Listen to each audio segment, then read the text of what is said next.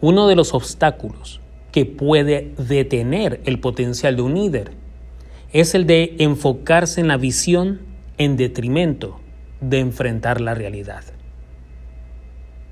Como bien lo decía Peter Drucker, una época turbulenta es una época de peligro. Pero el peligro más grande es la tentación de negar la realidad. Si no estás dispuesto a escuchar las malas noticias, no estás asumiendo la mayor responsabilidad de un líder, que es la de definir la realidad. Pero ¿cómo nos mantenemos realistas? Aquí cuatro prácticas para ser buenos líderes, definiendo y enfrentando la realidad.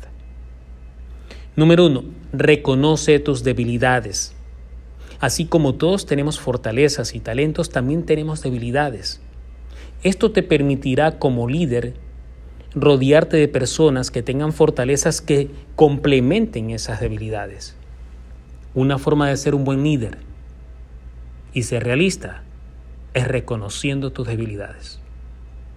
Número dos, rodéate de personas realistas. Siempre estamos rodeados de personas que nos pintan pajaritos en el aire. La vida no es color de rosas.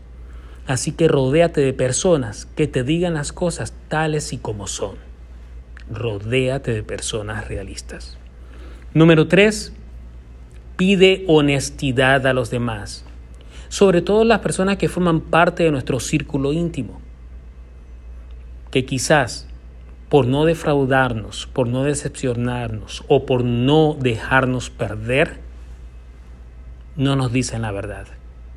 Pide a las personas que te rodean que sean honestas.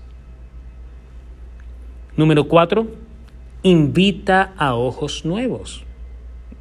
¿Qué significa esto?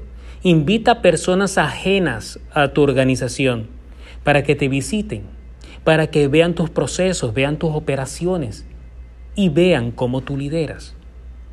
De pronto esas personas que están ajenas a todas tus operaciones diarias puedan observar cosas que tú, por las demandas del día a día, no te has dado cuenta.